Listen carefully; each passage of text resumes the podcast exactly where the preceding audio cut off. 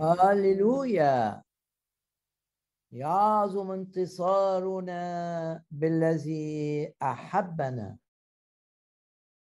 ايا كانت ظروفك ايا كانت التحديات التي تواجهها ايا كانت الصعوبات اللي في سكتك. قول كده أنا باسم الرب يسوع يعظم انتصاري. يعظم انتصاري على الخوف من المستقبل. يعظم انتصاري على المرض. يعظم انتصاري على الخطية. يعظم انتصاري على الهم. يعظم انتصاري على الخوف. يعظم انتصاري على إبليس. يعظم انتصاري على كل ما يفعله إبليس ضدي. بعلن ايماني أن الرب يهيمن على كل الأحداث وعلى كل الأشخاص. أي أحداث لها علاقة بي أي أشخاص ليهم علاقة بي. الرب يهيمن على الجميع. ويجعل كل الأشياء تعمل معا لخيري. تعمل معا لكي أكون في الارتفاع. تعمل معا لكي أكون بحسب مشيئته. مثمر لامتداد ملكوته. يعظم انتصاري على خطط إبليس لإيذائي. واعلن إيمانك كده معايا إن كل خطط عملها إبليس لإيذائك لا تقوم لا تكون. واعلن ثقتك إن خطة الرب ليك هي اللي هتتحقق وخطة الرب ليك واضح في الكتاب المقدس إن خطة الرب لأولاده أن يكونوا في الارتفاع وأن يكونوا مثمرين ناجحين. شاهدين حياتهم بتشهد لعمل الرب لتأييد الرب. خطة الرب ليك مش إنك تفشل. خطة الرب ليك مش إن يجي لك اكتئاب. خطة الرب ليك مش إن المرض يسيطر عليك. خطة الرب ليك مش إن الهم أو الخوف أو الحزن يبقى بيسيطر على مشاعرك. خطة الرب ليك العكس تماما. خطة الرب ليك إنك تكون طالما أنت عرفت الرب طالما أنت في علاقة حية مع الرب لازم تبقى متأكد إن خطة الرب ليك إنك تبقى ماشي من قوة إلى قوة وخطة الرب ليك إنك تتغير. والحاجات الوحشة اللي في حياتك تقع تماما. خطة الرب ليك. بس آمن إن خطة الرب ليك إنك أنت تبقى في الارتفاع وتتغير من مجد إلى مجد. خطة الرب ليك إنك تبقى نافع جدا جدا جدا. نافع جدا لي نافع جدا جدا لامتداد ملكوته. خطة الرب ليك إن حياتك ما يبقاش فيها ما يعطي المجد لإبليس. لا كل اللي بيحصل في حياتك يدي الخزي لإبليس. اعلن إيمانك معي إن كل ما يحدث ايا كان شكله يقول إلى مجد للرب وخزي للشيطان قول كده الآية العظيمة اللي في آه، رسالة آه، أفسس. وانتبه إلى هذه الكلمات. واعلن الكلمات دي ليك أنت. وتتحقق معك بكل تأكيد. لما قال آه، الرسالة في الأصحاح مخلوقين لأعمال الأصحاح الثاني نحن عمله. نحن عمل الرب. نحن عمله. وكلمة عمله يمكن سمعتني بقول قبل كده إن الكلمة دي في اليوناني اللي اتكتبت بيه الرسالة كانت تطلق على اللوحة اللي بيرسمها الفنان. فنان بيرسم لوحة. فاللوحة دي عمل الفنان. وكانت تطلق أيضا على القصيدة قصيدة الشعر اللي الشاعر بيألفها. فأنت بص كده لنفسك وقول الفنان الأعظم أنا لوحته. بيشكل إنائي بيعالج عيوبي بينقيني بيجملني بمواهب الروح. بص كده للرب وقول له أنت الشاعر الأعظم. وأنا قصيدة من القصائد اللي أنت بتألفها. وإنك أنت بتشتغل في هذه القصيدة. أنت بتشتغل فيا. نحن عمله. بص للرب كده وقول له أنا في إيدك. أنت اللي بتشكلني كما تشاء. أنا حاطط نفسي في إيديك. وبعلن ايماني ان مشيئتك نحوي سوف تتم. وأطلع لوحة عظيمة جميلة عملها أعظم فنان. وأطلع قصيدة حلوة عملها أعظم شاعر بيألف قصائد شعريه نحن عمله أشجعك إنك أنت تقول أنا عمل الرب. أنا مش عمل الناس. أنا مش عمل الظروف. أنا مش تشكيل عمله إبليس. مهما كانت أخطائي مهما كانت عيوبي أخطائي أثق في الدم الثمين طهرني من كل خطية من كل اسم أثق في الروح القدس. يشتغل فيا ويحول أخطائي يحولها إلى أعمال لمجد الرب. أثق في الرب أثق في الروح القدس أثق في الدم الثمين واعلن إيماني إن الرب يشكل إنائي والإناء مقصود بي أنا مقصود بي أنت. الرب بيشكل أوانينا لكي تكون دائما أواني نافعة له. ويفصلك الرب عن كل ما يعطل عمله العظيم في حياتك. ويرى لك أو أفكرك بالآية المعروفة اللي بنقراها في كلمات الرسول بولس إلى تيموساوس. وافرح بكلمة الرب. آه كلمة الرب زي ما أرميا قال وجد كلامك مش تأملته لا أكلته. أكتر من التأمل. يعني قعدت مع الكلمة اللي سمعتها ألهك فيها لحد ما صارت جزء مني. زي ما بتاكل طعام ويتحول هذا الطعام إلى خلايا في جسمك أو يغذي الخلايا. ده اللي بيحصل لما ناكل آآ آآ كلمة الرب. وكلمات الرسول بولس إلى تيموساوس كلمات عظيمة جدا. انتهر أحد نفسه. آه يا رب ساعدنا لكي ننفصل عن كل ما يعطل عملك فينا.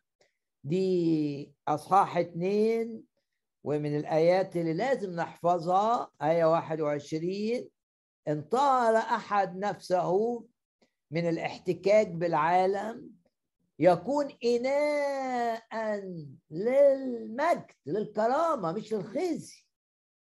مش قصد الرب إنك تبقى إناء للخزي. مش قصد الرب إن الخطية تنجسك وتسيطر عليك. مش قصد الرب إنك تبقى مش قادر تسامح نفسك لا. الرب سامحك يبقى تقدر تسامح نفسك. وتثق إن الرب يعالجك إن الرب يشفيك إن الرب يصنع منك إناء كما يحسن في عينيه زي ما بنعرف كلنا من سفر أرمية لما الرب قال لأرمية روح المكان اللي بيعملوا فيه الفخار الأواني اللي من الفخار الأواني اللي من الطين شوف الفخاري بيعمل إيه؟ لقيه آه، آه، إناء مش قادر بايظ آه، في حصاوي في رمل في حاجات صعبة مش قادر. لكن بدل ما يرمي العجينة دي قعد وراها نقاها وصنع منها وعاء آخر. رب يعمل ده معاك. قول آمين الرب يشتغل معايا ينقيني يستخدم الظروف لتنقيتي يستخدم الأحداث لتنقيتي. الرب يعمل ده معايا عشان أبقى إناء للمجد. هنا يقول الكتاب انطهر أحد نفسه من هذه يكون اناء للكرامة مخصص مش مخصص للخطية ولا مخصص لعلاقات غير نقية ولا مخصص لأعمال الظلمة لا. مقدسا يعني مخصصا للرب نافعا للسيد. هل أنت نافع للرب؟ قول أنا عايز أبقى نافع أكتر وأكتر وأكتر. وارفع قلبك وانت بتسمعني كده وصلي هذه الصلاة بإيمان. يا رب أثق أنك أنت تهيمن عليا وتهيمن على تفكيري وتهيمن على مشاعري وتهيمن على قراراتي. وتخضع لي كل ما يحدث معي من قرارات بياخدوها ناس تانية من مواقف من أحداث. أثق أثق أثق أنك أنت بتهيمن على كل الأشياء عشان أبقى نافع أكتر ليك. عشان أبقى نافع أكتر ليك. عشان أبقى نافع أكتر ليك. يبقى حياتي ليها معنى عظيم. حياتي مش هتضيع.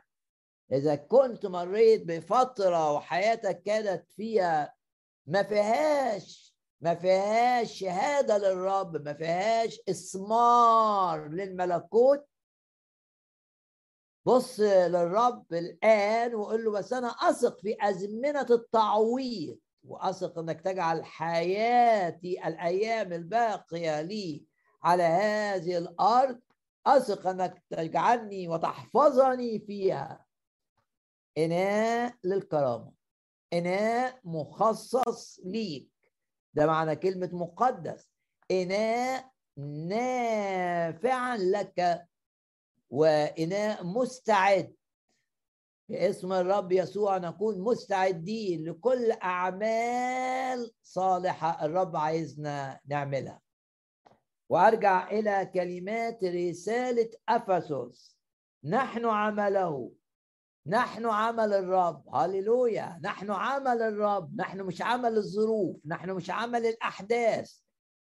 إحنا عمل الرب الذي يسيطر على الظروف الذي يسيطر على الأحداث الذي يهيمن على الجميع. نحن عملك أيها السيد الرب نشكرك بتعمل مننا أعظم لوحة وأعظم قصيدة يسمعها شخص وأعظم لوحة يراها إنسان لأن دي إيديك أنت لأن دي أصابعك أنت. نحن عمله مخلوقين في المسيح يسوع لأعمال صالحة.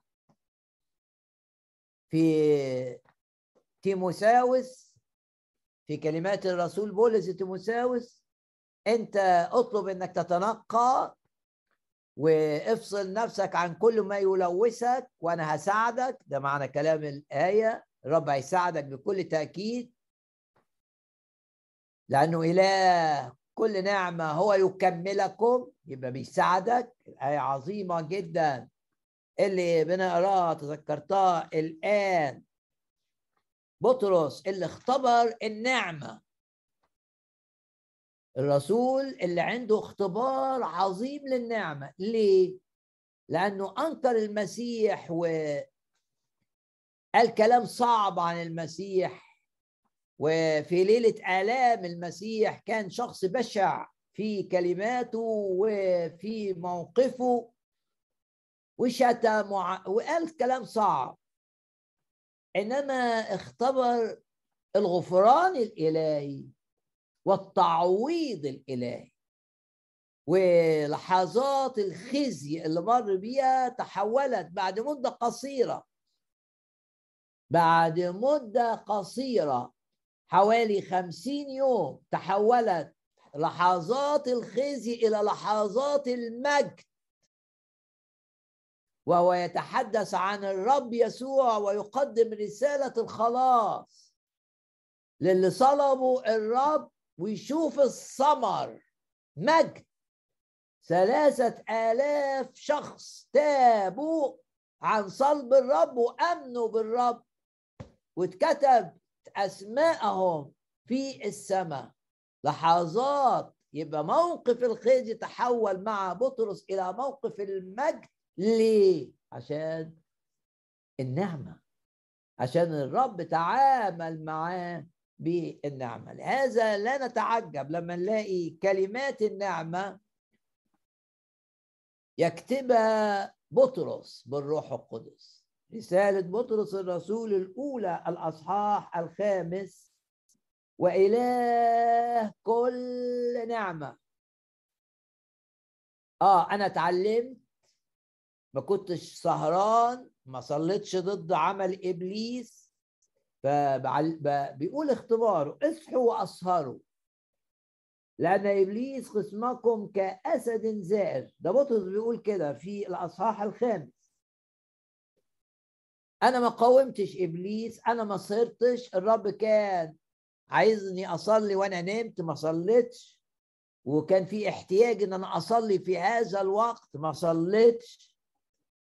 وقعدت مع ناس في العالم أتدفى معاهم آه لأن كانت الجو برد النتيجة إيه؟ إن إبليس قدر آه آه يوقعني في الخوف الخوف امتلكني.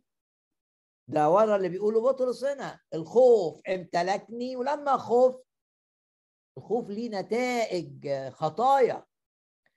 والكتاب يقول الخوف من البشر خوف الإنسان لما تبقى خايف من واحد ده يحطك في فخ يصنع لك شركا ده اللي حصل مع بطرس. ما سهرش ما صلى عشان ياخد حماية وبعدين قعد في مجلس مستهزئين عشان يتدفى.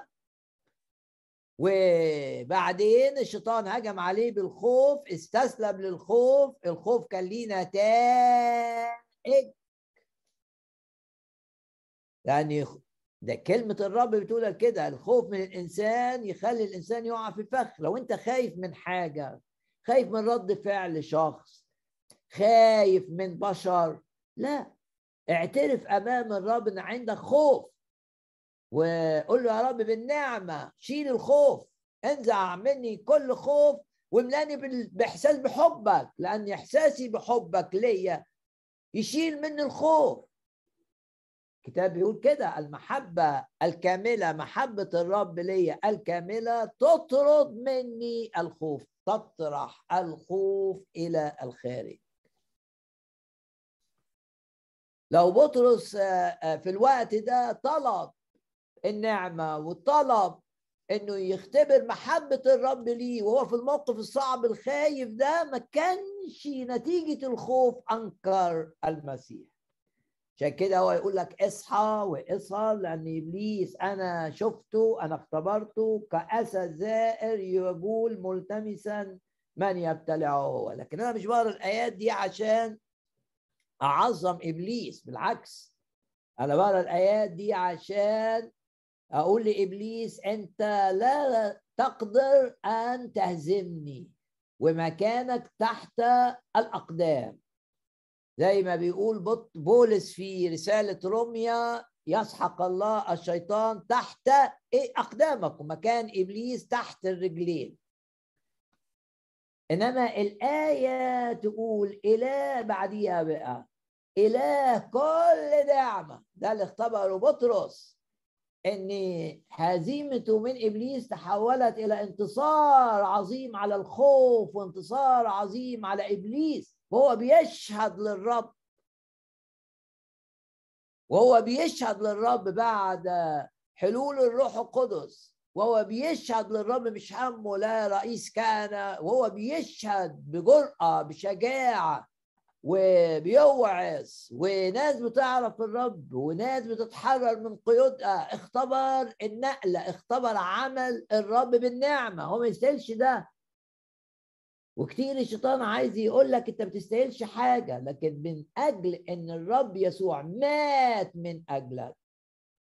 من أجل إنك أنت آمنت بالرب يسوع إنه مات من أجلك وإنه دمه الثمين غسلك من خطاياك وإنك اشتريت بالدم. من أجل إيمانك ده بقي ليك امتيازات عظيمة جدا. تستاهلها؟ لا. لكن عشان يسوع اللي مات من أجلك عشان الرب اللي مات عشانك زي بالظبط ما فوبوشيس استاهل النقلة وإنه ترجع له ممتلكات عظيمة وإنه يجلس على آه على مائدة داود الملك من أجله؟ لا. هو ما عملش حاجة. إنما من أجل يقول الكتاب من أجل إيه؟ من أجل يونسان أنا بقى من أجل المسيح. من أجل ما فعله المسيح لأجل لي عطايا الرب العظيمة لي حماية الرب العظيمة لي خطة من الرب عظيمة لي إن أنا ابى لوحة الرب العظيمة وقصيدة الرب العظيمة. من أجل من أجل أنا؟ لا. أنا لا شيء. من اجلي أنا لا. أنا ممكن أقول مع آه، كلمات سفر داود إن سفر أيوب أخطأت وعوجت المستقيم. لكن من أجل العمل الرب لم اجازى لم اجازى عليه. إله كل نعمة هو يكملكم هو يثبتكم هو يقويكم.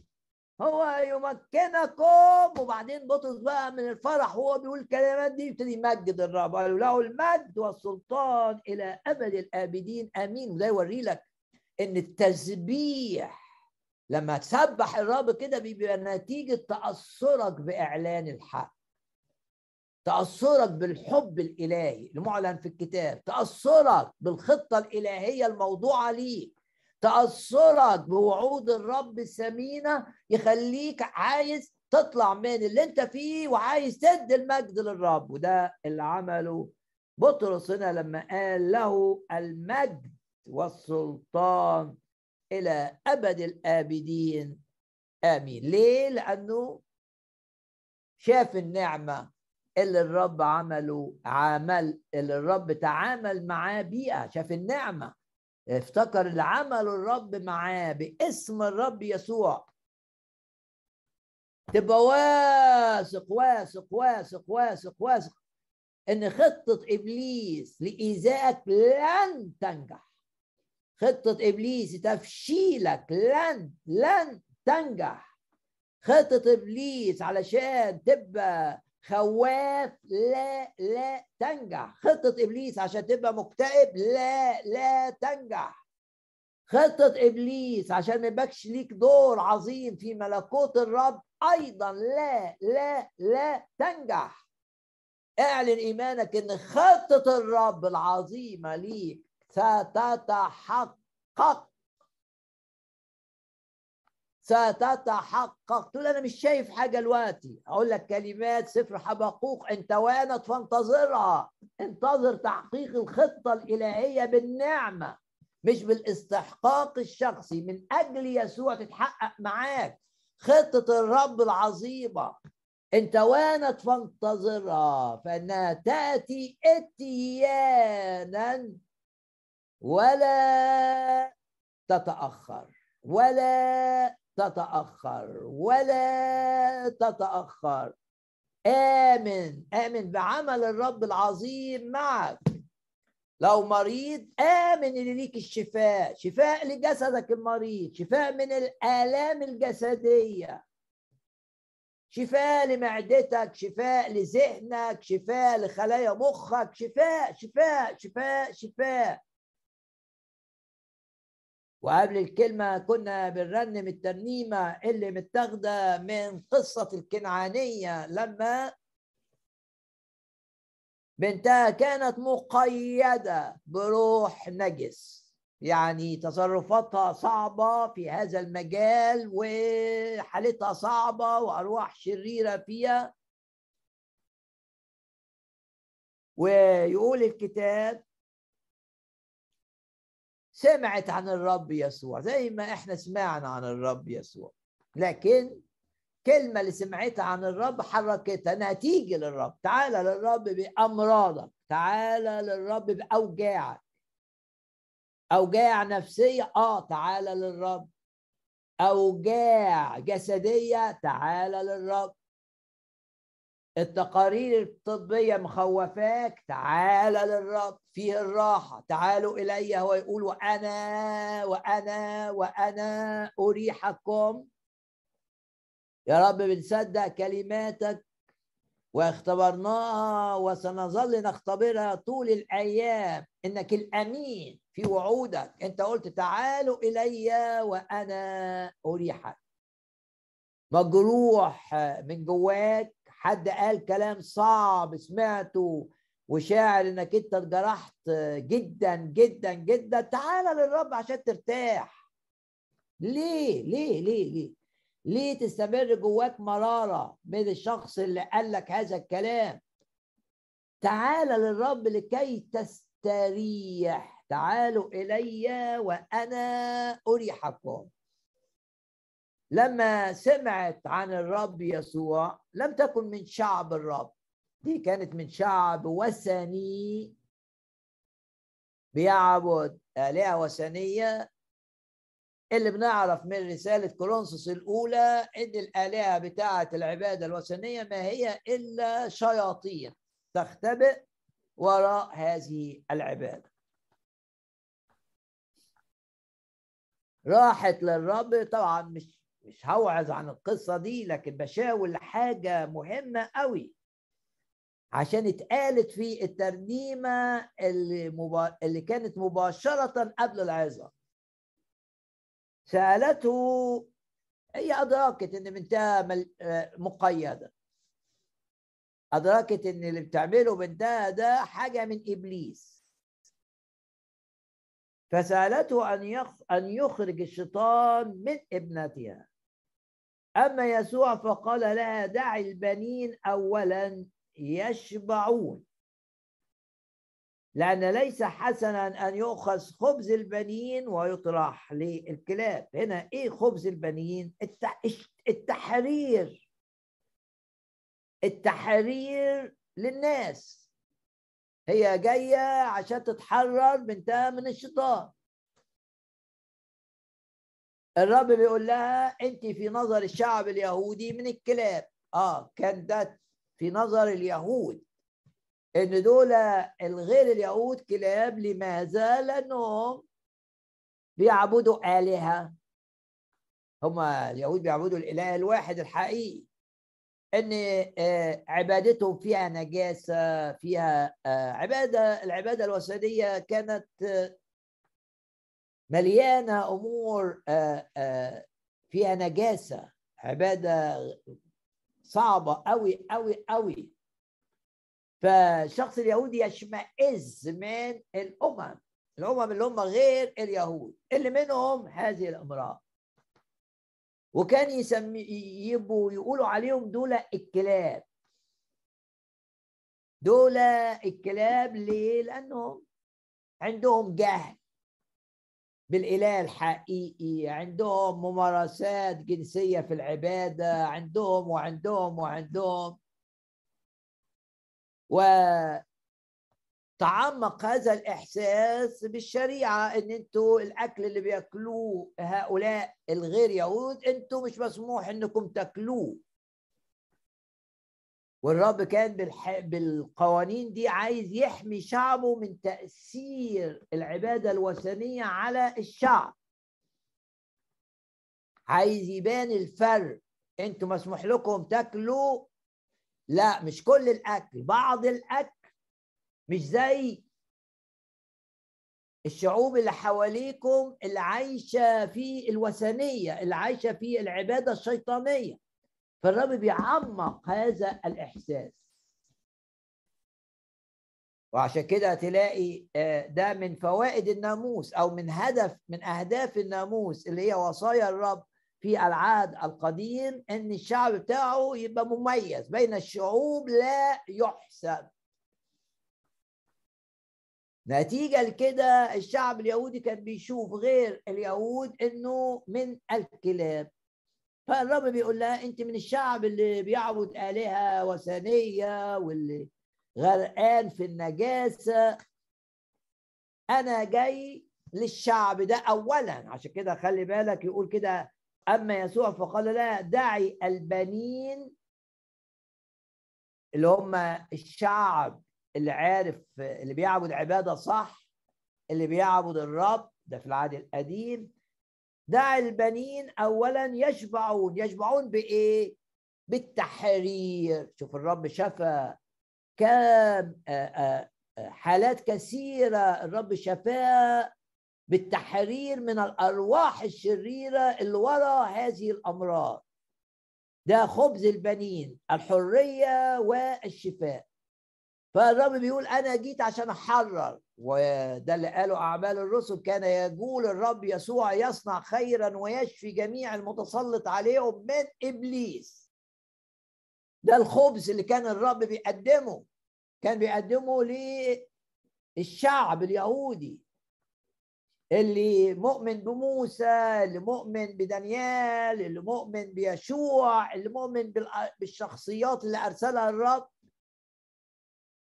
أنتوا أنا جيت عشان اديكم الخبز. أنتوا محتاجين تحرير. أنتوا محتاجين شفاء من الامراض اللي تسلطت عليكم. أنتوا محتاجين قوة الشيطانية الضغط عليكم دي تشال ده خبز البنين اللي أنا جاي أديه لهؤلاء. أما يسوع فقال لها لا ده مش التوقيت بتاع الأمم. ده التوقيت بتاع الشعب بتاعي إنه يتحرر إنه يشفى.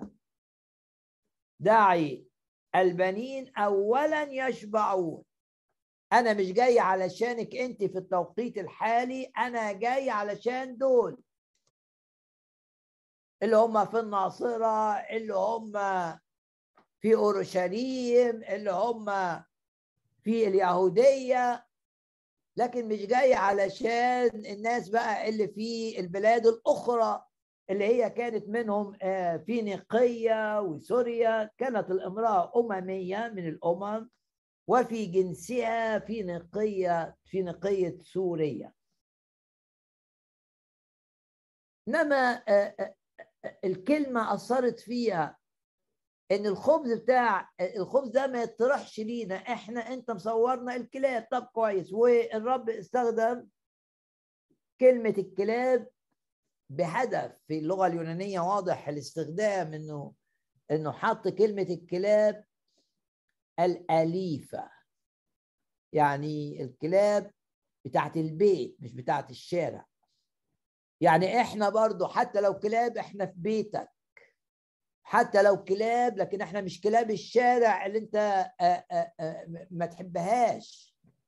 مش الكلاب اللي بتنبح وتعور الناس. إحنا آه, آه أنا جايالك أنا أنا أقدر أشوف نفسي من الكلاب بحسب الكلمة اللي اتقالت من الكلاب الأليفة.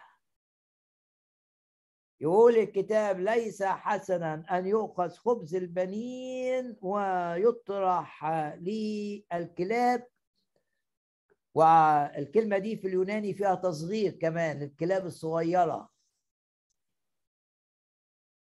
فأجابت وقالت له نعم يا سيد. والكلاب أيضا تحت المائدة بتاخد بتاخد من الأكل. اللي على المائدة. ده إيمان بالنعمة. ده زي إيمان الكلب بتاع البيت. إنه مصدق إنه هياكل زي صاحب البيت اللي بياكل. آه هو تحت المائدة. لكن مصدق إنه هياكل. ده إيمان كلب البيت. إيمان عظيم إنه مش ممكن يجوع. صاحب البيت بياكل هو وعيلته هو وزوجته هو واولاده والكلب متوقع انهم هم بياكلوا هيدوا له أكل بكل تأكيد.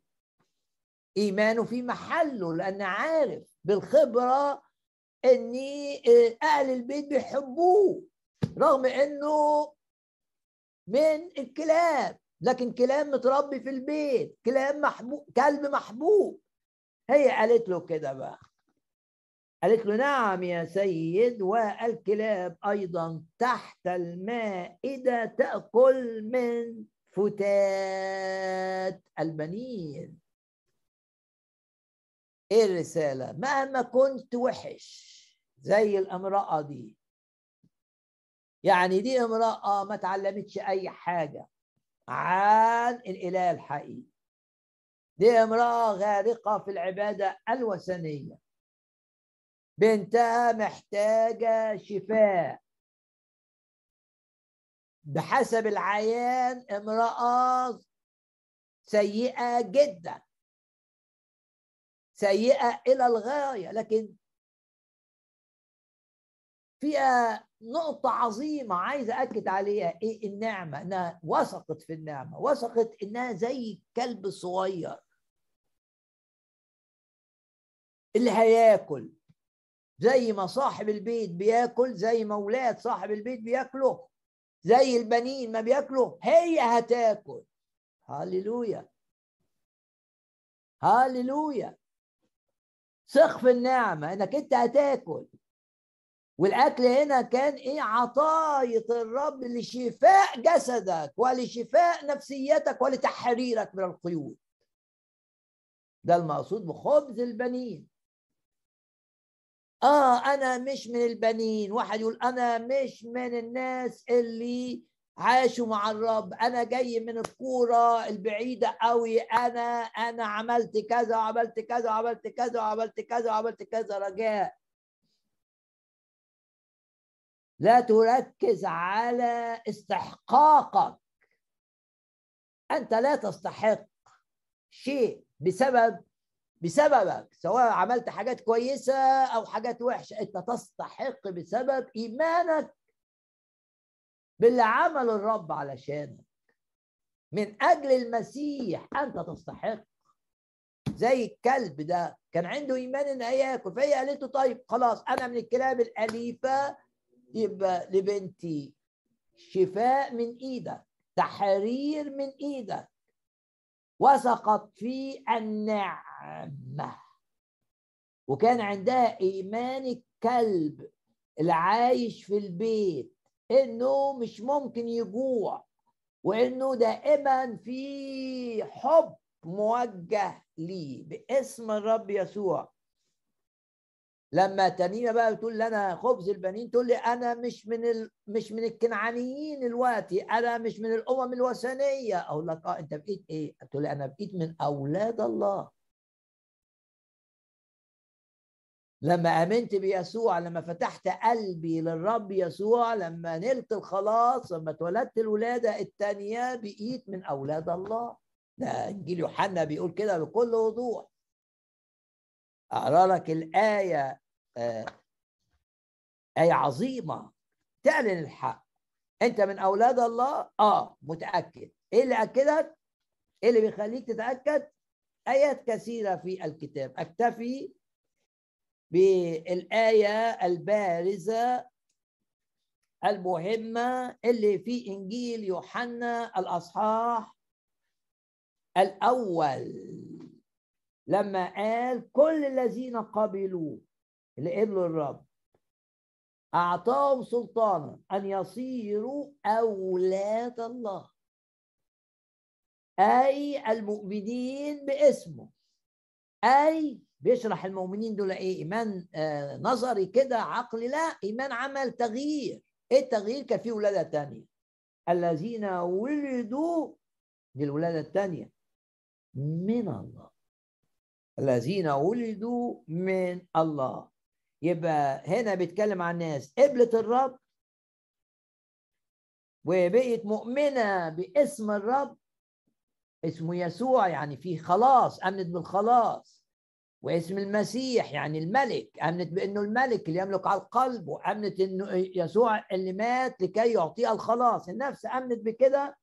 اتولدت الولادة الثانية الذين ولدوا من الله.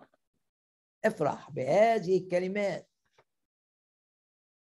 المرأة الكنعانية ما كانتش تقدر تقول للرب أنا من من البنين اللي ليا الخبز اللي هو الشفاء والتحرير.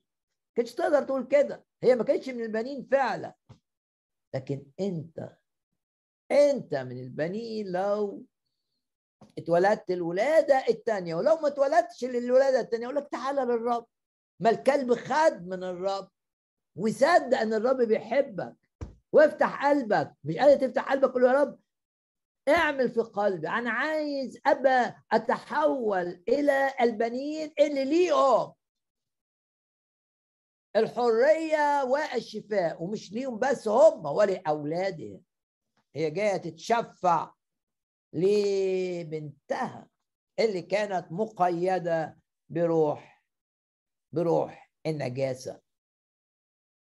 يعظم انتصارنا بالذي أحبنا واقرا من آه، كلمات يوحنا من الرسالة بقى بتاعته. و وافرح افرح. الآن أيها الأحباء الآن نحن أولاد الله. هللويا. عشان قلت لك لما آية كده تنور قدامك تسبح الرب وتهتف للرب. تهتف وتعلي صوتك كده وتقول هللويا فرحان. ليه؟ عشان أنت من أولاد الله. لم تعد من الكلاب اللي خدت بالنعمة. انت بقيت من أولاد الله تأخذ لأن ده استحقاقك في المسيح. في المسيح انت من أولاد الله ليك الحرية ليك الشفاء. هللويا. الآن رسالة يوحنا الرسول الأولى الأصحاح الثالث. أيها الأحباء الآن الآن الآن نحن أولاد الله. ده امتياز عظيم جدا. الآن الآن نحن أولاد الله. ولو عايز تربط الآيات ببعض أقول لك تعالى معي إلى رسالة روميا. وشوف الحب الإلهي اللي عمل اللي بسببه اتنقلت. وبقيت من أولاد الله. آه ده بقى آه رسالة روميا والأصحاح الخامس. الله بين محبته لنا ونحن بعد خطاه مات المسيح لأجلنا. أنت تقول وأنا خاطي مات المسيح لأجلي. فبالأولى كثيرا ونحن متبررين الآن بدمه نخلص به من الغضب الإلهي اللي جاي بسبب الخطية. هللويا هللويا هللويا. دي آية عظيمة جدا. آية رقم ثمانية وآية رقم ستة. إذ كنا بعد ضعفاء مات في الوقت المعين لأجل الكويسين؟ لا. لأجل الفجار. هللويا هللويا. بعدين بقى إحنا ما كناش أولاد الله. آه باينه فين بقى؟ في آية عشرة. لأنه إن كنا نحن أعداء. قد صولحنا مش إحنا اللي صالحنا الرب. إحنا ما عندناش أي إمكانية. هو اللي جه وعالج موضوع الخطية بالصليب بالدم الثمين اللي يطهر من كل خطية. إن كنا ونحن أعداء قد صولحنا مع الله بموت ابنه. فبالأولى كثيرا. بين أولاد بقى. ونحن مصالحون. نخلص بحياته. حياة الرب يعني بحياته فوق في السماء هو بيشفع فينا. نتيجة شفاعة الرب لينا. لينا خلاص من المرض. لينا خلاص من القيود. لينا خلاص من الخطط الشيطانية بسبب حياة الرب يسوع بسبب شفاعة الرب يسوع لنا الآن. في موت الرب اتحلت مشكلة الخطية. خلاص دم الرب يسوع يطهر من كل خطية. بحياة الرب حياته يعني وجوده في السماء بالإنسانية من أجلنا زي ما بتقول الرسالة إلى العبرانيين يشفع فينا. آمن إن الرب يشفع فيك أمام العرش. عشان كده بتاخد خلاص يعني إنقاذ إلى التمام. زي ما بتقول الرسالة إلى العبرانيين يخلص إلى التمام. ليه؟ لأنه يشفع فينا. ده معنى نخلص بحياته. لأن الرب بيشفع فيك ليك كابن. خبز البنين يبقى ليك الحرية وليك الشفاء. ليك الحرية والشفاء الحرية من القيود الشيطانية الحرية من قيود الخطية. الحرية بقى من قيود المرض من قيود الخوف من قيود الهم من قيود اليأس من قيود من قيود صغر النفس ليك خبز البنين ليك الحرية وليك الشفاء. وبطرس كان مؤمن وأعلن إيمانه لما قال يشفيك يسوع المسيح. أنت استقبل الآية دي جواك. وقول زي أرمية وجد كلامك فأكلته. كلمتك يا رب اللي بتقول يشفيك يشفيك. أو اللي بتقول أنا هو الرب شافيك. تشفي جسدي من هذا المرض تشفي جسمي من هذه الآلام تشفي عظمي تشفي معدتي تشفي ظهري. ليه صداع النصف يأثر عليك ليه يقيدك. أنت ليك خبز البنين. أنت ابن. ولو أنت حتى مش شايف نفسك ابن أنت زي الكلب. الأليف بتاع البيت اللي يتطلع للخبز اللي ليه الحق إن ياكل. آه. شفاء الرب ممتد إلى أولاد أولاد الله وإلى خارج أولاد الله زي المرأة الكنعانية. الرب قال لما بعت التلاميذ قال لهم إيه؟ قال لهم اشفوا مرضى؟ قبل ما يأمنوا قبل ما يعملوا أي حاجة. حب الرب ممتد. لهذا ضع ثقتك في الرب. ان فيش حاجة تتسلط عليك فيش حاجة غلط تتسلط عليك مفيش شر يتسلط عليك مفيش مرض يتسلط عليك مفيش وجع من إبليس يتسلط عليك لأن الرب دفع على الصليب ثمن إنك تاكل خبز البنين. واليهود في نهاية الأيام هيفهموا كده هيقول تأديب سلامنا عليه التأديب اللي جاي علينا ده خده هو على الصليب تأديب سلامنا عليه. وهيقولوا أوجاعنا حملها وأنت تقدر تقول كده برضه. أحزاننا حملها عشان يدينا الشفاء عشان يدينا السلام عشان يدينا الراحة.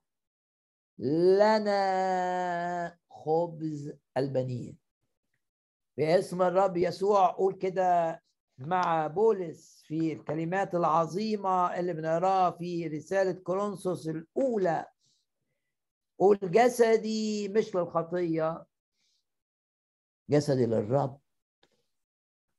ولو كان جسدي في أوقات كان للخطية أنا أثق في دم الرب يسوع السمين. جسدي للرب. جسد مش للنجاسة جسد مش للزنا. الجسد بتاعك مش للسكر.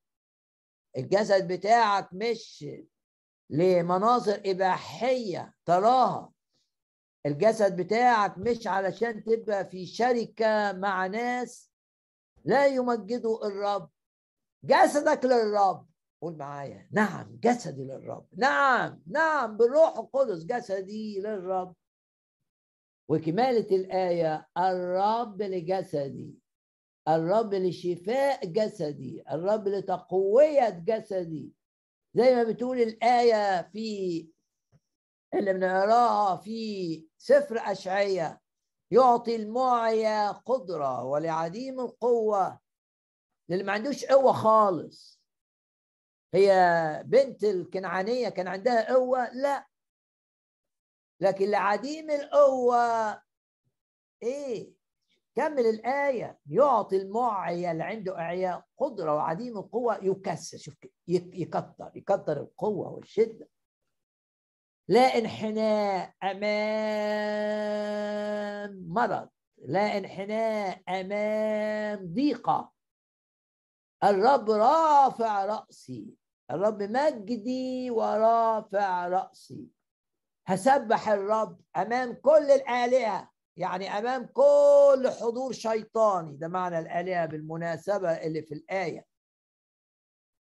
لأن زي ما قلت الآلهة بتاعت الأمم فيها شياطين. أمام أي تواجد للأرواح الشريرة هسبح الرب وهاتف للرب والأرواح الشريرة ترتعب ترتعب ترتعب. وطه الرب منزعجة من تسبيحي. ده ده يبقى إيمانك. بيتك حاسس فيه إنه ضغطة سبح الرب. زي ما قال الكتاب في سفر المزامير مزمور 148 تنويهات الله في أفواه المؤمنين يعني التسبيح العالي في أفواههم. معناه إيه؟ كأن في إيديهم سيف. ذو حدين في أيديهم. سيف الروح لما بنرنم ونسبح الرب سيف الروح يشتغل ضد الأرواح الشريرة فيؤذيها فتهرب من البيت تهرب من الشغل تهرب من التأثير على ذهنك تهرب من التأثير على جسدك. أرواح المرض تهرب. نعم باسم الرب يسوع. وعشان كده في المزامين نلاقي الآية العظيمة اللي بتقول وأزيد على كل تسبيحك أسبحك أكتر وأكتر وأسبحك وأهتف وأسبحك وأهتف وأسبحك وأسبحك وأرنم وأفرح وعبر عن تسبيحي بكل ما أستطيع زي مزمور 150 بكل الآلات الموسيقية آلات النفخ آلات الوترية أسبح أسبح أسبح. ههتف للرب بكل كياني. ليه؟ عشان بحب الرب عشان بمجد الرب. بس النتيجة إيه؟ إن هل الروح الشرير اللي كان مسيطر على الملك شوف الملك مسيطر عليه روح شرير قوة الملك ما قدرتش تطلع الروح الشرير. الجيش بتاعه اللي بعشرات المئات ما قدرش ما قدرش ما قدرش إنما داود لما رنم بس لما سبح بالموسيقى الروح الشرير اللي كان في الملك كان بيمشي. اعرف امتيازك حينما تسبح الرب من قلبك ويبقى مش شايف غير الرب أمامك. وده الفرق بين الترنيم والتسبيح. التسبيح نوع من الترنيم لكن عينينا متجهة إلى الرب. بعظم الرب بمجد الرب قوم الروح الشرير اللي في شاول يمشي يقول لك وارتاح ويرتاح. البيت يبقى فيه راحة. البيت يبقى فيه راحة. ممكن يبقى فيه أرواح شريرة بتأثر على أولادك. سبح في البيت. سترى نتائج عظيمة وهتشكر الرب. سبح وارفع صوتك. وقول له لا مثل لك. والرب يبقى حاضر وإحنا بنسبح. زي ما بيقول الكتاب الجالس وسط تسبيحات الشعب. سبح الرب سبح الرب عظم الرب قدم ذبائح التسبيح. افرح في محضر الرب. وقول هللويا هللويا هللويا. حينما تردد كلمة هللويا مملكة الظلمة تتحطم أمامك. وطه الرب من أمامك. يعظم انتصارنا بالذي أحبنا.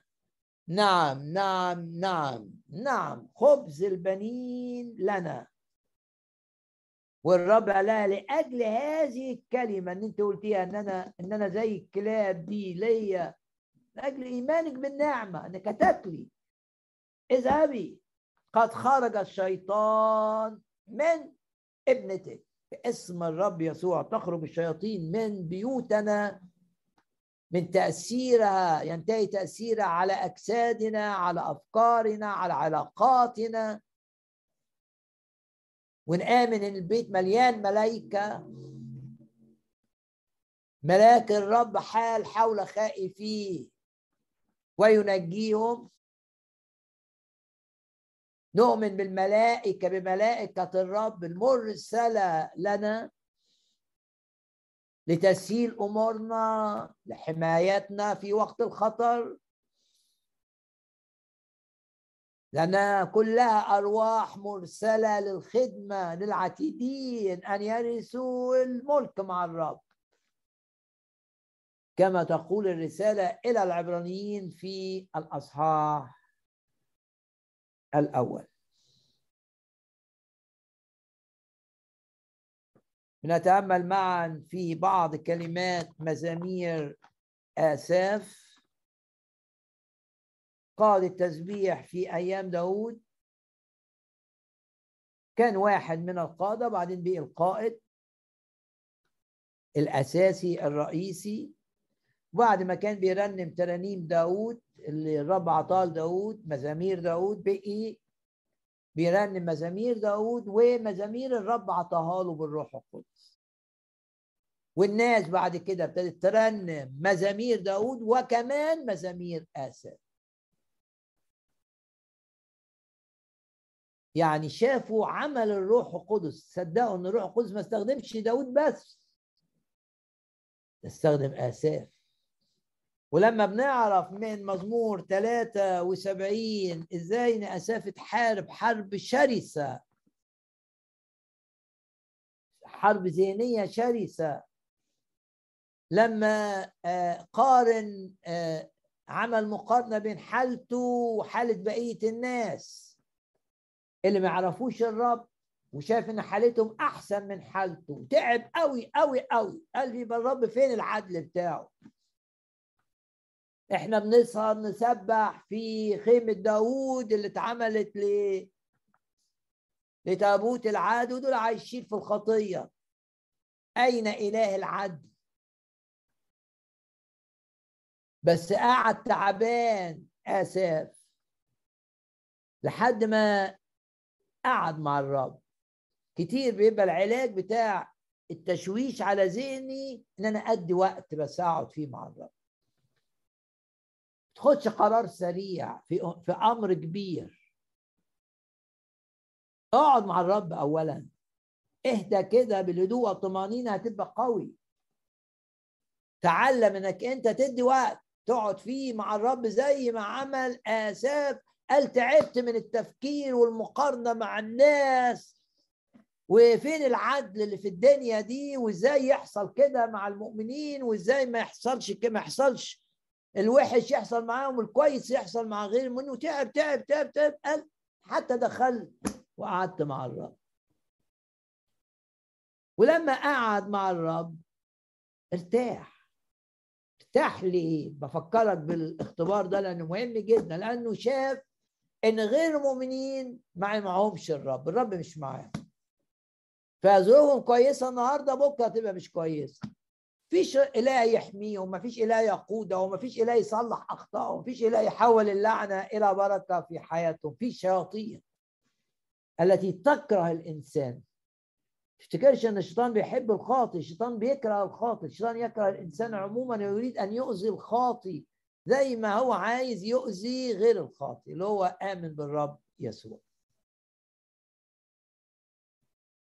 انت كده اعلن ايمانك ان في قعدتك مع الرب هتستريح. زي ما ساف استريح وشاف إن لا في فرق جامد قوي من غير المؤمنين والمؤمنين. المؤمنين اللي ليهم ليهم علاقة مع الرب. فالرب هيحول كل حاجة لخيرهم. هيكون معاهم في الضيقة وخلي الضيقة تعمل معهم لخيرهم. الرب واخد باله من التفاصيل. مش هيخلي الضيقة لإيذاء المؤمن أو لإيذاء واحد من أولاد الرب لا الرب هيخلي الضيقة لفائدة أولاد الله. فهم بقى. ولما فهم استريح وأنا مزموره الشهير اللي ذكر فيه آه هذه التجربة أما أنا فالاقتراب إلى الله حسن لي. هو ده المجد هو ده اللي أنا بتفوق فيه عن غير المؤمنين. أنا بتمتع بحضور الرب. جعلت بالسيد الرب ملجئي.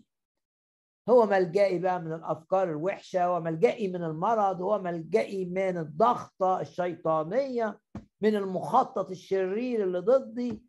جعلت بالسيد الرب ملجئي لأخبر ده ما يقدرش يقولوه غير المؤمنين بكل صنائع. وبدا المزمور بتاعه اللي حكى فيه الاغتفار بشهادة للرب صالح الله لإسرائيل. ما عملش زي أيوب لما أيوب شايف ليه يحصل له الحاجات الوحشة دي. أصحاب أيوب كانوا بيفكروا إن الله عادل ومش ممكن تحصل لأيوب الحاجات الوحشة دي إلا لو كان عامل خطية في الخفاء صعبه قوي قوي قوي وبيكلموه إنه يتوب عن الخطية دي. مفيش خطية. مفيش ذنب زي اللي في مخهم عملوا أيوب. وعشان كده قال لهم أنتم معزون متعبون كلكم. لأنكم بتعالجوا مرض مش موجود أساسا. مش دي من المشكلة بتاعتي. معزون متعبون كلكم الرب أدانهم أكثر من أيوب بكثير ده تعرف ده في نهاية السفر. معزون متعبون. لأن فاهمين إيه؟ إن عشان الرب يبقى عادل يبقى أي حاجة وحشة تحصل في حد تبقى بسبب يا إما هو ما عندوش إيمان يا إما هو في حق المهم عمل حاجات وحشة. ده تفكير أصحاب أيوب. أيوب كان غلطان إنه عايز يقول للرب أنت أنا ما عملتش حاجة وحشة يبقى أنت غلطان. إنك سمحت بهذه الأمور أن تحدث إلي. الاثنين أيوب بس أيوب. تعامل معها الرب وكانت النتيجة هنا. إيه النتيجة؟ إن الرب حول اللعنات حول الأذى اللي جه عليه لخير لأيوب تعويض عظيم. وفهم أيوب إن اللي حصل له ده كان علشان علاقته مع الرب تاخد عمق جديد. وبيه أيوب شفيع اللي جايين يعزوه. وبصلاته من أجلهم ما جاش عليهم العقوبة الإلهية بسبب اللي عملوه في أيوب بدون فهم. يعظم انتصارنا على الهم وعلى الخوف وعلى الشر بثقتنا ثقتنا في الرب. زي ما الرب استخدم داود اللي زنى بالنعمة تاب وكتب مزامير بعد ما فاق من السقطة بتاعته بالروح القدس. استخدم آساب بعد ما طلع من شكوا في عدل الرب وشكوا في محبة الرب وشكوا في سيطرة الرب على الأحداث والظروف والأشخاص. دي النعمة. زي ما استخدم داود استخدم آسف الاثنين واحد عنده خطية ذهنية والتاني كان عنده داود خطية جسدية. بس الاثنين تابوا. وايه معنى التوبة؟ إنه رفضوا الغلط. ارفض الغلط. ارفض الغلط وقول أنا غلطان. ما تحاولش تبرر نفسك زي ما عمل غلط أيوب. ما تستنزفش ما تخليش الرب مذنب عشان أنت تبقى بريء. الرب عاتب أيوب بهذه العبارة. قال له أنت طلعني كده عشان تشوف نفسك بريء أنت غلطان. أنت مش فاهم. تواضع عند رجلين الرب. تواضع. وقول للرب أنت صالح. قول للرب أنت رائع. قول للرب أنت بار. قول للرب أنت محب. قول للرب حتى لو أنا مش فاهم اللي بيحصل لي ما أيوب ما كانش فاهم قوي. حتى لو أنا مش فاهم فأنا واثق فيك واثق في حبك واثق في أمانتك واثق في رعايتك واثق في ضمانك إن بكرة هيبقى يوم عظيم في حياتي. واثق إنك أنت عامل لحياتي معنى عظيم. وإن كل اللي حصل حتى أخطائي هتستخدمها لكي أكون في كما تريدني وأحقق قصدك من وجودي على هذه الأرض. باسم الرب يسوع. والآية العظيمة في مزمور 73 أمسكت بيدي اليمنى. أمسكت أنت يا رب مسكت بإيدي اليمين عشان ما أغرقش. وبرأيك تهديني نعم يا رب نثق أنك تقودنا برأيك تقودني.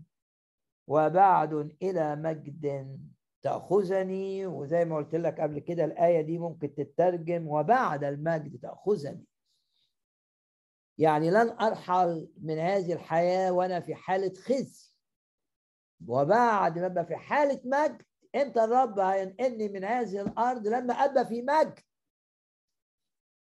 ولأن هو كان في حالة سيئة لما ابتدى يشك في صلاح الله ويشك في أمانة الله وغار. حساب غار. مشكلته إنه غار من غير المؤمنين اللي مش شايف عندهم مشاكل زي المشاكل اللي عنده شايفهم مرتاحين شايفهم بيغنوا وشايفه هو بيتعب. طلع من كل ده لما قعد مع الرب وقال للرب أنت صالح أنت بار أنت عظيم أنت تقودني ده امتياز ليا مش عند غير المؤمنين أصحابي أو اللي كنت أعرفهم غير المؤمنين ما عندهمش الامتياز ده إن الرب يقودهم دول بتقودهم إيه؟ الاهواء والشهوات والشياطين لكن أنا أنا من أولاد الله ليا خبز البنين أنا من أولاد الله ليا قيادة من الرب لحياتي رؤية في رؤية من الرب ليا. برأيك تهديني وبعد إلى مجد تأخذني. وفي مزمور أربعة وسبعين وبناخد بعض الآيات العظيمة. لما بيقول له في آية 13 أنت كسرت رؤوس التنانين على المياه. أنت رددت يعني حطمت رؤوس لوياسان جعلته طعاما للشعب الأهل البرية. عظيمة. الآية دي في مزمور 74 لأساف الروح القدس بيذكرنا باللي حصل لشعبه الرب وهو طالع من أرض مصر. أنت شققت البحر بقوتك. أشكرك يا رب لأن لما يبقى قدامي حاجز عائق ضخم إيه اللي عملته مع شعبك؟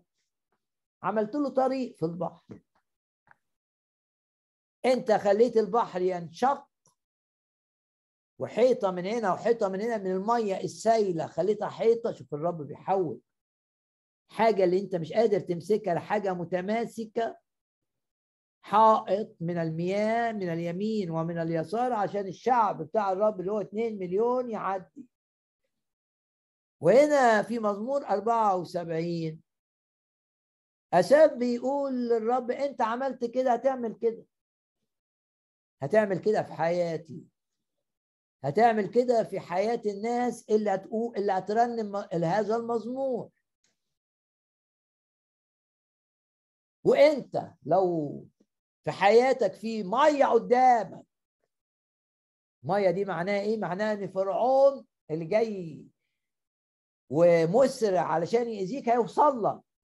مية دي معناها انك انت اتحطيت في خطر وفرعون وجي وجيش يضغط عليك ويحطمك وهتبقى جثث ويرميكم في البحر. بس الرب عند السيد الرب للموت مخارج. في مخرج. يشق في البحر طريقا. في مخرج في مخرج في مخرج لمشكلتك. في مخرج عظيم. في مجد للرب في هذا المخرج. الرب تمجد هنا. واحيانا الرب يحط أولاده ويسيبهم في مأزق علشان يتمجد عشان يبان مجده. يقول آه أنا لما اتحطيت في الموقف ده شفت الرب. اختبار. شفت مجد الرب هو بيطلعني من خطر مية في المية من موت مية في المية من أزمة مية في المية. شفت الرب. الرب مش كلام. الرب اختبارات. إله حياتي. زي ما بنقرأ الآية في المزامير. إله حياتي الذي لمسته أيدينا. اختبارات. إله اختبارات. شوف المجد والرب بيشق لك طريق بس حاجة أكتر كمان حصلت هنا إيه؟ إن رؤيا الشياطين اللي كانت التنانين التنانين التنين رمز في الكتاب للشيطان اقرا سفر الرؤيا؟ التنين المرعب رمز للشيطان اللي بيخوف الناس. وهنا رؤوس التنانين كأنها أرواح شريرة ضخمة بتاعت آلهة المصريين. إحنا قلنا الآلهة بتاعت العبادة الوثنية ما هي الارواح شريرة تنانين. فبيقول له بيقول للرب أنت وهم واقفين قدام البحر نهيت على القوة الشيطانية اللي كان متسلح بها فرعون وجيش فرعون أنت كسرت رؤوس التنانين. أنت رددت رؤوس لو ياسان ولو ياسان ده آه، كلمة كانت تطلق على التمساح آه، آه، من الآلهة اللي كان بيعبدها المصريين. وهنا لو ياسان بالمفرد يعني أنت كمان أذيت الشيطان. دي رسالة مشجعة في كل مرة بنواجه فيها أرواح شريرة نؤذي إبليس. وأقول له كده يا رب أشكرك أن حياتي على الأرض تؤذي العدو. الأرواح الشريرة قالت للرب أنت أتيت لتؤذينا أنت أتيت لتعذبنا. مقاومتنا للشيطان مؤذية لإبليس. ايماننا بوعود الرب مؤذي لإبليس. إيه اللي حصل هنا؟ بيقول له أنت دغدغت. أنت دغدغت رؤوس لياسان لياسان ده حاجة واحدة لكن ليه رؤوس كتير. ده رمز قوي لإبليس. عنده رؤوس أدوات كثيرة يستخدمها. كل ده اتضغط اتضغط اتضغط بإيد الرب. رددت ضربة يعني ضربت رؤوس ليسان خلاص العدو افكاره تجاهك. قول كده باسم الرب يسوع لن تكون لن تقوم لن تنجح. اعلن إيمانك كده يكون محاربوك كلا شيء وكالعدم أي أفكار شيطانية اتملى بيها ناس ضدك تفشل. الرؤوس الأفكار اللي ضدك اللي حطها ابليس في؟ الشخص ده اللي حطها ابليس في المجموعة دي ضدك اللي حطها ابليس في مدير العمل بتاعك. اللي حطها ابليس حد عايش معاك في البيت أفكار ضدك. خلاص. أنت رددت رؤوس لوياسان وبعدين يقول له إيه جعلته طعاما للشعب لأهل البرية. إيه التعبير هنا؟ التعبير إني لما فرعون مات أحد رؤوس لوياسان لما قادة الجيش ماتوا في البحر. الأسماك اللي عايشة في البحر ده كلت كلت كبرت. ومين استفاد؟ شعب الرب. صاد السمك ده وكلوا يعني الشيطان أصبح دون إرادته إنه يبقى نافع ليه. ده معنى الآية جعلته طعاما للشعب لأهل البرية. يعني البرية ما فيهاش أكل بسبب مواجهة الشيطان بقي في أكل في البرية. جاي من المية. جاي من السمك اللي كبر و... وشعب الرب كان يسير بمحاذاة البحر. اعلن إيمانك معايا إن في كل مواجهة لنا مع إبليس في كل مواجهة لنا لإبطال خطط إبليس اللي ضدنا. اعلن إيمانك. في كل مرة إبليس يضغط علينا ويبقى البحر قدامنا البحر ينشق والأمين. لعبور المفديين إحنا نعبر. وأعلن إيماني إن في كل مرة يضغط عليا إبليس يقدم لي بركة يقدم لي فائدة. الرب يستخدمه الخيري استخدم الرب مجيء فرعون ضد شعب الرب. عشان شعب الرب ياكل في البرية. آية عظيمة في مزمور أربعة وسبعين. أنت رددت رؤوس لو ياسان طلع لو ياسان ده في أشعية 27 وفي سفر أيوب 41 بس مفيش وقت عشان أقرأ الآيات دي. جعلته طعاما للشعب لأهل البرية. إيه اللي الرب لمسك بيه النهاردة في هذه الكلمة؟ خبز البنين؟ إيه اللي اتلمست بيه؟ بنثق إن الكلمة فيها كلام نبوة فيها كلام علم فيها كلام حكمة فيها جدد وعتقاء اسأل نفسك كده الرب عايز يقول لك إيه في العظة دي؟ مش مهم الواعظ انت مش بتسمع واعظ لازم يكون إيمانك انت بتسمع. الروح القدس بيستخدم الواعظ ده لأجلك انت. فإيه اللي اتلمست بيه؟ معنى النعمة. إيمان الكنعانية اللي هو إيمان الكلب المتوقع. ياكل. إيه اللي اتلمست بيه؟ إن الجسد للرب الرب للجسد. يشفيك يسوع المسيح. إيه الكلمة اللي نورت قدامك؟ وتقول زي أرمية وجد كلامك يا رب فأكلته فكان لي للفرح فرحت. لمست إن التسبيح التسبيح التسبيح. يطرد العدو من أمامك ويدي راحة. زي ما شاول كان بيرتاح لما داود بيسبح الرب على الآلة الموسيقية. إيه اللي اتلمست بيه؟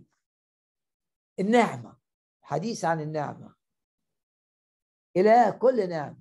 أنا أتكل على نعمته اللي من حقي بسبب موت يسوع المسيح على الصليب من أجلي. ثق في الرب. واعلن إيمانك إنك ستعبر إلى العام الجديد برؤيه الرب اداها لك. رؤيه فيها مجد. ورؤيه فيها استخدام عظيم ليك. تكون إناء أكثر فائدة للرب من أي وقت مضى. ونرنم مع بعض الآن. إذ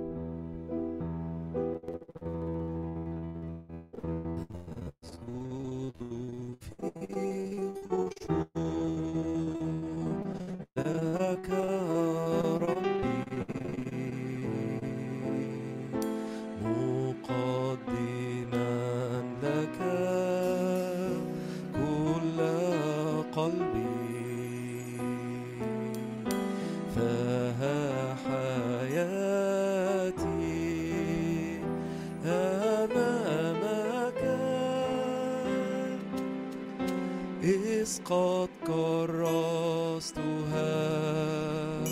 لشخصك فلتعطي عبدك من فيض روحك واملأني قوة في كل حين فأشهد لك ولصنيعك وأعلن حقك الثاني. عيناي دائما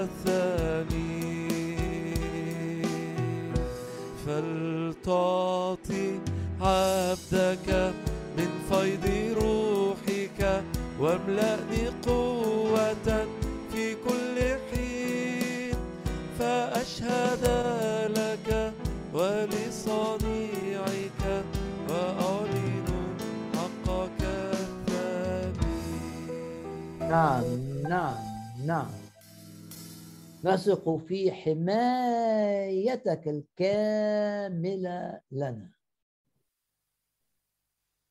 تحفظنا من كل شر. تنجينا من فخ الصياد ومن الوباء الخطر. لا تدنو ضربة من خيمتنا. بنعلن إيماننا وثقتنا. أنك تفدي من الحفرة حياتنا. أنك تسير أمامنا والهضاب تمهد وكل وكل جبل وأكما ينخفض. بنعلن إيماننا. أي لعنة جاية علينا تحولها إلى بركة. تخرج من الجافي حلاوة ومن الآكل أكل. أشكرك أعظمك أباركك. وتجعل كل الأشياء تعمل معا. لخيرنا. بارك يا نفس الرب ولا تنسي كل حسناته الذي يجدد كالنسر شبابك. يا رب أشكرك لأنك تستخدم الملائكة لحمايتنا. وأشكرك لأنك تسيطر على الأحداث وعلى الأشخاص وعلى كل الذين هم في منصب من أجل سلامتنا ومن أجل استخدامك العظيم لنا. نشكرك ونباركك ونعظمك. نباركك أيها الرب. تصنع معنا أكثر جدا مما نطلب أو نفتكر. نباركك نعظمك تسدد كل احتياجاتنا كل احتياجاتنا بلا استثناء بحسب غناك في المجد. أشكرك من أجل شفائك للمرضى أشكرك من أجل تحريرك للمقيدين. باسمك باسم الرب يسوع. وأشكرك من أجل خلاص الخطاة. وأشكرك لأنك تضع كلمتك في أفواهنا. باسم الرب يسوع. نربح نفوس ليك باستمرار. يا رب استخدم الوقت الباقي من هذا العام من أجل تنقيتنا وإعدادنا لنقله عظيمه مع انتقالنا إلى العام الجديد. الآن نرنم معا الترانيم الاخيره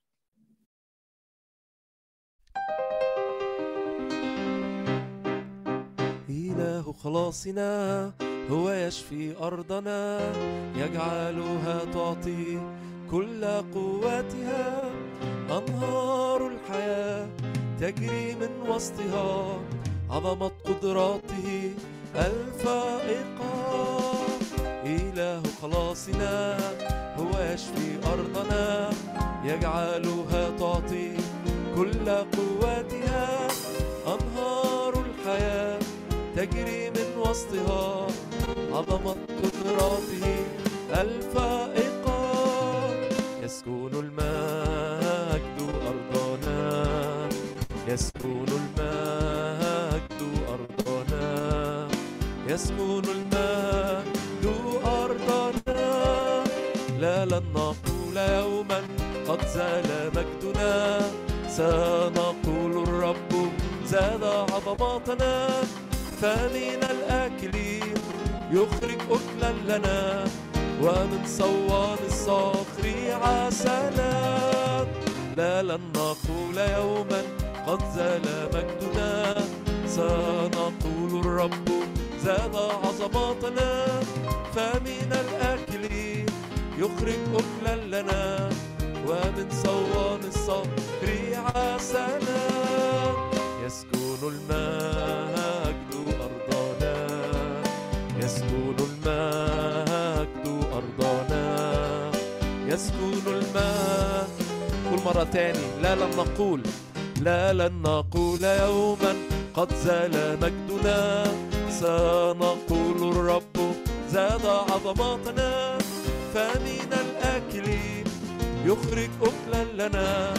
ومن صوان الصخر عسلا لا لن نقول يوما قد زال مجدنا.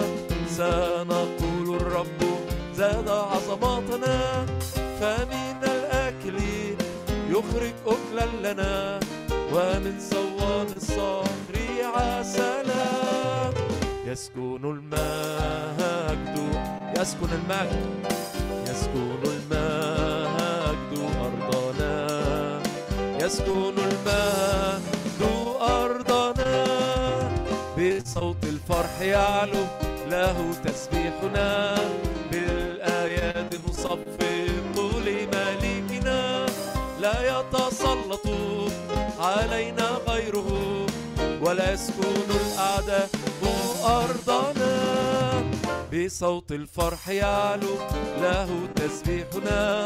بالآيات نصفق لملكنا لا يتسلط علينا غيره ولا يسكن الأعداء أرضنا.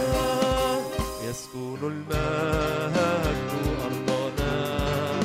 يسكن المجد يسكن المجد أرضنا. يسكن المجد أرضنا.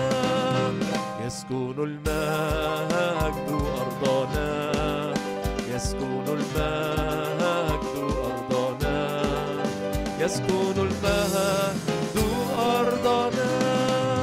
الخمر الجيدة أبقيتها لنا. وأعظم جودا قد سخرته لنا. كانت أيامنا خير ورحمة. خير ورحمة يتبعنا. الخمر الجيدة أعطيتها لنا. ما أعظم جودا قد زخرته لنا. أيامنا بك مجيدة خير ورحمة يتبعنا نمسك بوعدك نؤمن بحبك. أنت الإله الصادق الأمين. نقدم حمدنا أيضا تسبيحنا. لك أنت إلهنا العظيم. نمسك بوعدك